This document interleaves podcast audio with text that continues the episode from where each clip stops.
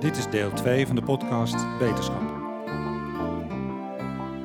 En dit keer over een uitvaart, sparen, de ambachtschool, Abraham en Nieuw Grind.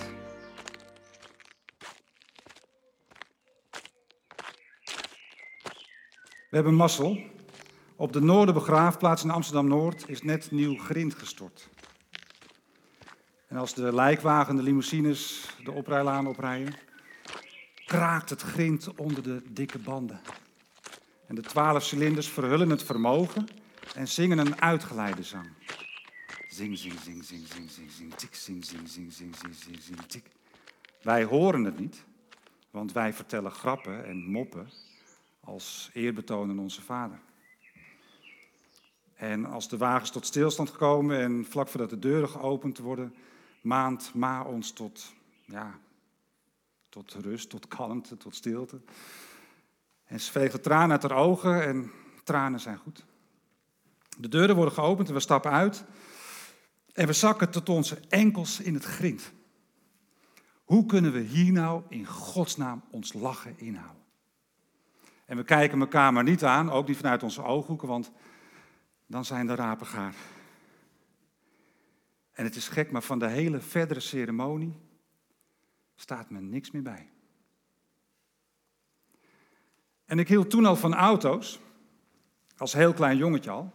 En of mijn vader nou met een DAF 33 of met een Ford Transit thuis kwam, het maakte me eigenlijk helemaal niks uit.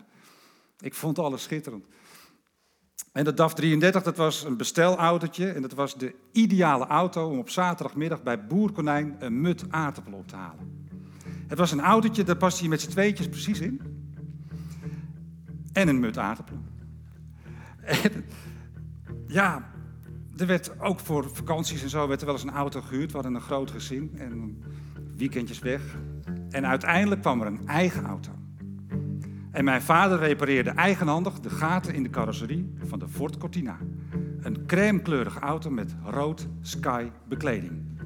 Echt Sky. Het was wel fijn geweest dat mijn vader ook de gaten in de bodemplaat had gerepareerd. Want dan hadden mijn zus en ik op de vakantie terug uit Limburg niet met onze voeten omhoog hoeven zitten.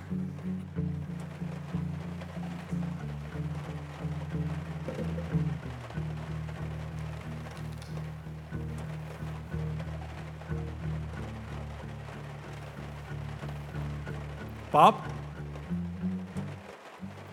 Pap? Ja, nu even niet, jongen. Pap? Ja, laat pap maar even. Het is zulk nood weer, hè? Ja, pap, er komt hier water. Pap! Ja, hier, neem een Mentos, hè? Pap, er komt komt hier echt water naar binnen, hoor. Ja, dat komt door die gaten in de bodem. Het loopt straks via dezelfde gaten allemaal weer uit. Het kon echt niet langer met die Cortina. En er werd een proefrit gemaakt in de Fort Granada van de baas van Gescher en Kemper. De meubelzaak waar mijn vader voor werkte. Dat werd hem niet. Het was een super luxe, luxe auto, mooi. Het werd hem niet. Het werd ook niet de Audi. Ja, proefrit in een Audi. 80. Dat werd hem ook niet.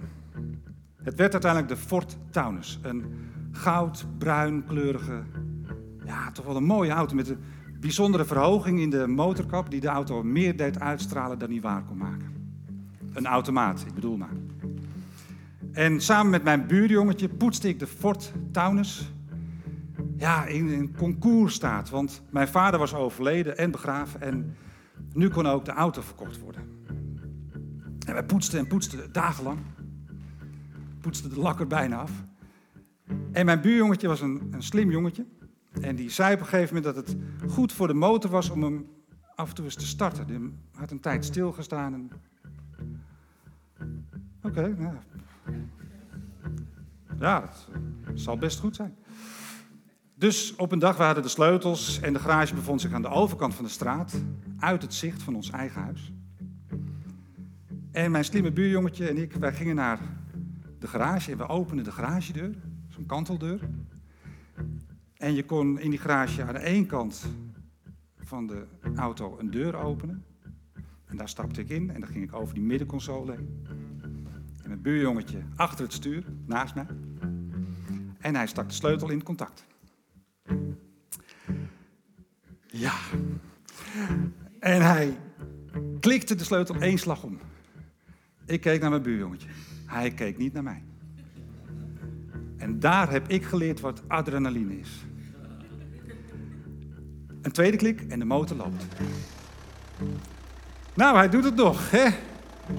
Nou, zet me gauw weer uit, want uh, dit lijkt me wel... Uh... Nou, hij zegt, het is goed om de motor eventjes te laten lopen. Hij zegt, sterker nog, het is best om even een beetje gas te geven. Dat kan makkelijk, want hij staat gewoon in de P van parking, dat is geen probleem. Dus hij was niet zo groot, dus hij moest een beetje van die stoel zakken gaf een beetje gas. Nou, het gas doet het ook nog. Zet hem nou weer uit. Nou, hij zegt, ik zou nog één ding... Kijk, dit is een, versnellingshendel. Een normale auto heeft versnellingen. Dan zet je minstens 1, 2. Maar dit is een automaat en die staat nu in de P van parking. Dat betekent parkeren. Ik zeg, lijkt me een prima stand. Zet hem nou maar gauw weer uit. Hij zegt, nou weet je, het mooie is als je het knopje indrukt... dan kun je hem in de D van drive zetten. Dat betekent rijden. Oh ja. Ja, nou hem maar te... Hij zegt, nou weet je, kan weinig, zolang je het gas niet... En hoe het kan, ik weet het niet, maar... Of, kijk, hij was niet zo groot, misschien gleed hij van die stoel af en gaf hij toch per ongeluk gas. En of het nou kwam dat ik dacht te helpen door een rukje aan het stuur te geven, maar... In één lange beweging schaafde die auto... In één lange beweging langs de muur van de garage, langs het deurmechaniek. Hij wist toch die auto nog tot stoppen te brengen en het was ook behalve een slim, ook een heel handig jongens. Want hij wist op die kleine uh, plek voor de garages de auto te keren. En weer andersom in de garage te zetten. Met de goede kant. En we stapten uit en, en we bekeken het schadeschilderij op de muur. Daarna ben ik mijn moeder gaan halen. Die heeft de pastoor gebeld. En die belde de bisschop. En sindsdien is een garagebox in Zuidoost-Beemster een bekend bedevaartsoord. Ja. En als u de weg vraagt naar de huilende Maria van Zuidoost-Beemster, dan zullen mensen u de weg niet wijzen, maar ze zullen zeggen: Als u het gelooft, zult u haar vinden.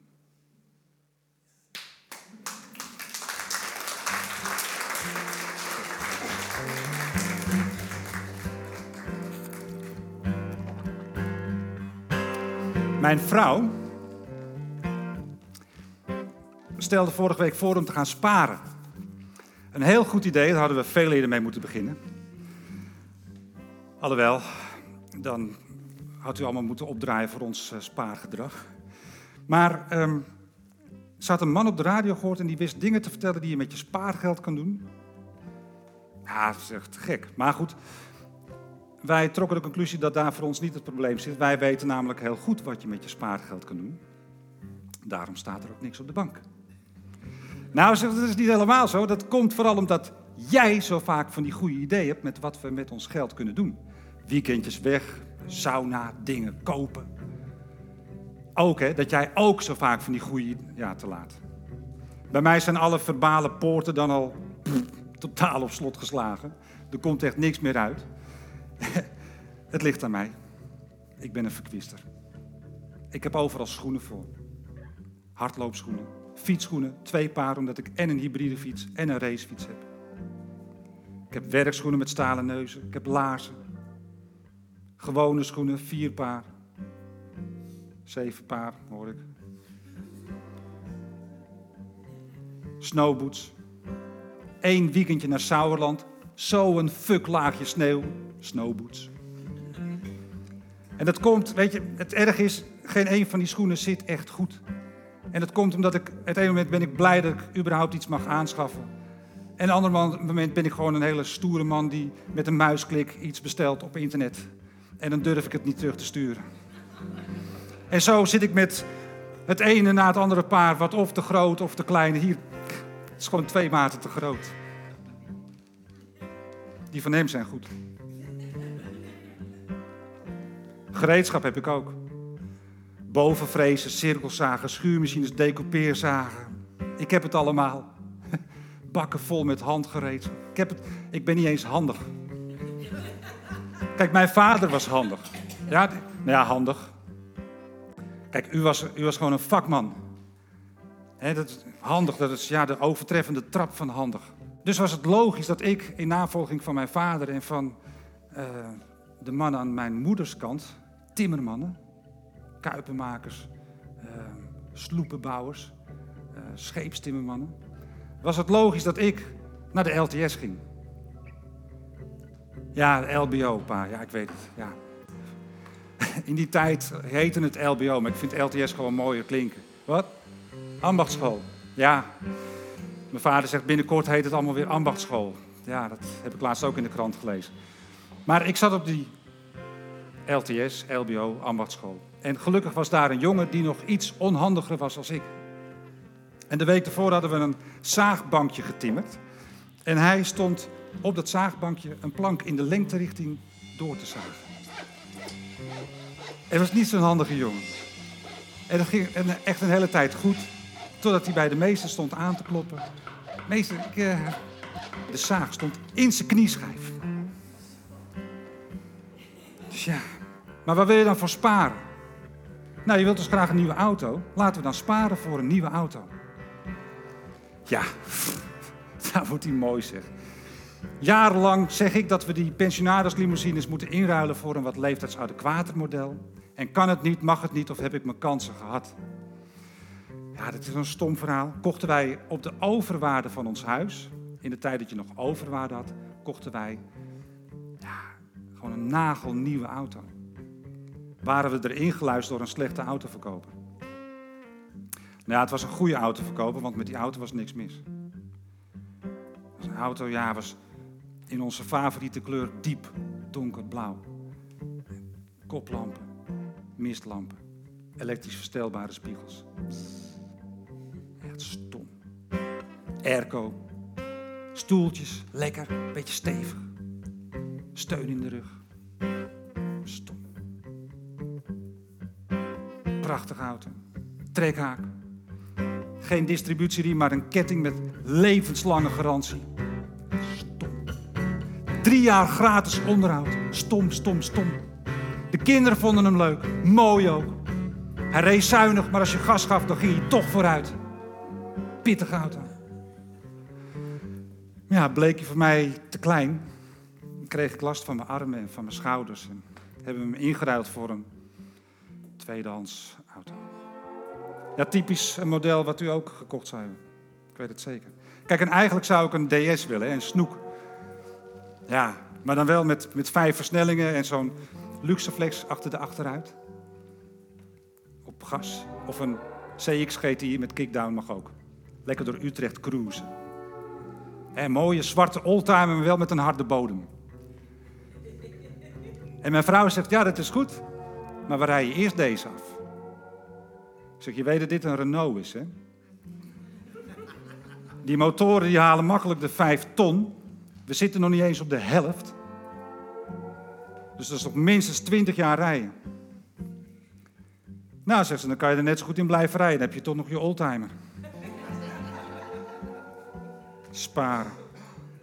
He, sparen. In welke sok? Wie brengt zijn geld dan nog naar de bank tegenwoordig? Een pensioen, net zoiets. Het afgelopen jaar zijn we elke maand wel een keer gebeld over ons pensioengat. Of we daar wel voldoende voor verzekerd waren. Pensioengat. Mijn vader heeft een pensioengat.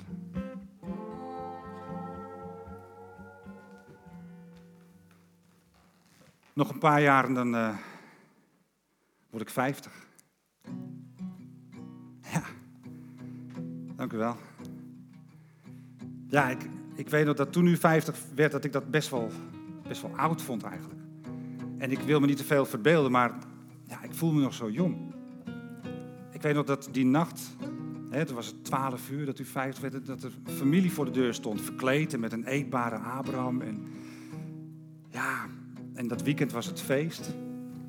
En het is, het is wel mooi om te weten dat wij dat nog steeds doen. Als een van ons 50 wordt, dan staan we nog steeds als gekken verkleed 12 uur s'nachts bij elkaar voor de deur. Of je nou in Voorschoot of in Almere woont, het maakt niet uit. Sneeuw, geen sneeuw, we zijn er. En we zingen.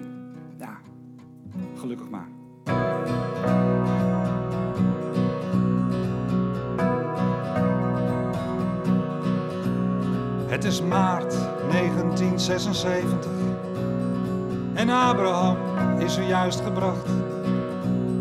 Alle stoelen in de kamer, de gasaard in de schuur en op alle tafels kleine ronde glaasjes met sigaretten. Roken was gezellig en niet duur. Alle ooms en tantes gescheiden van elkaar Hier zaten dan de ooms en de tantes zaten daar. En in twee gescheiden werelden, met elk een gesprek, ging het daar veel over voetbal. En daar over Ramses Shaffi en over Freddy Brek. En na de koffie kwam er wat sterkers op de tafels. En we deden nog niet moeilijk over wie rijden zou. Bob kende nog niemand en niemand kende Bob. Straks koffie met een broodje.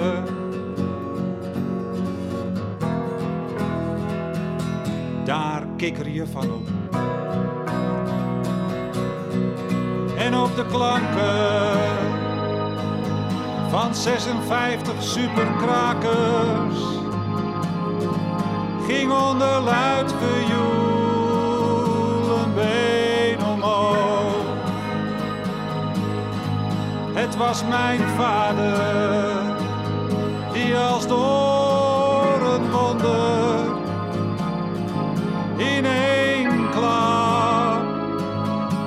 zijn ziekte was beroofd.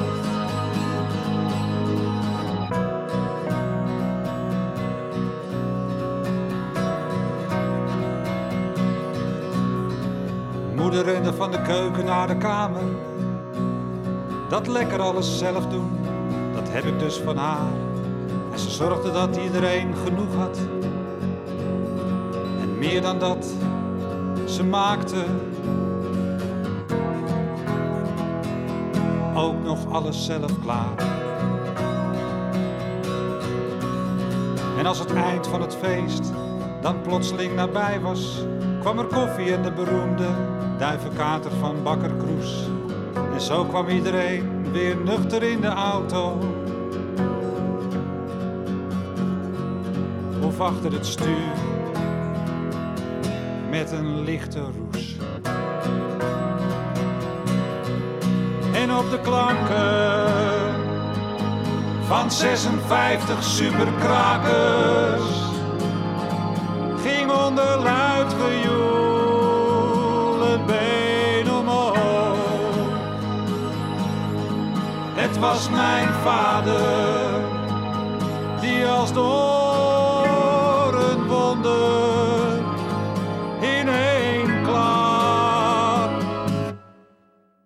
Zijn ze weg?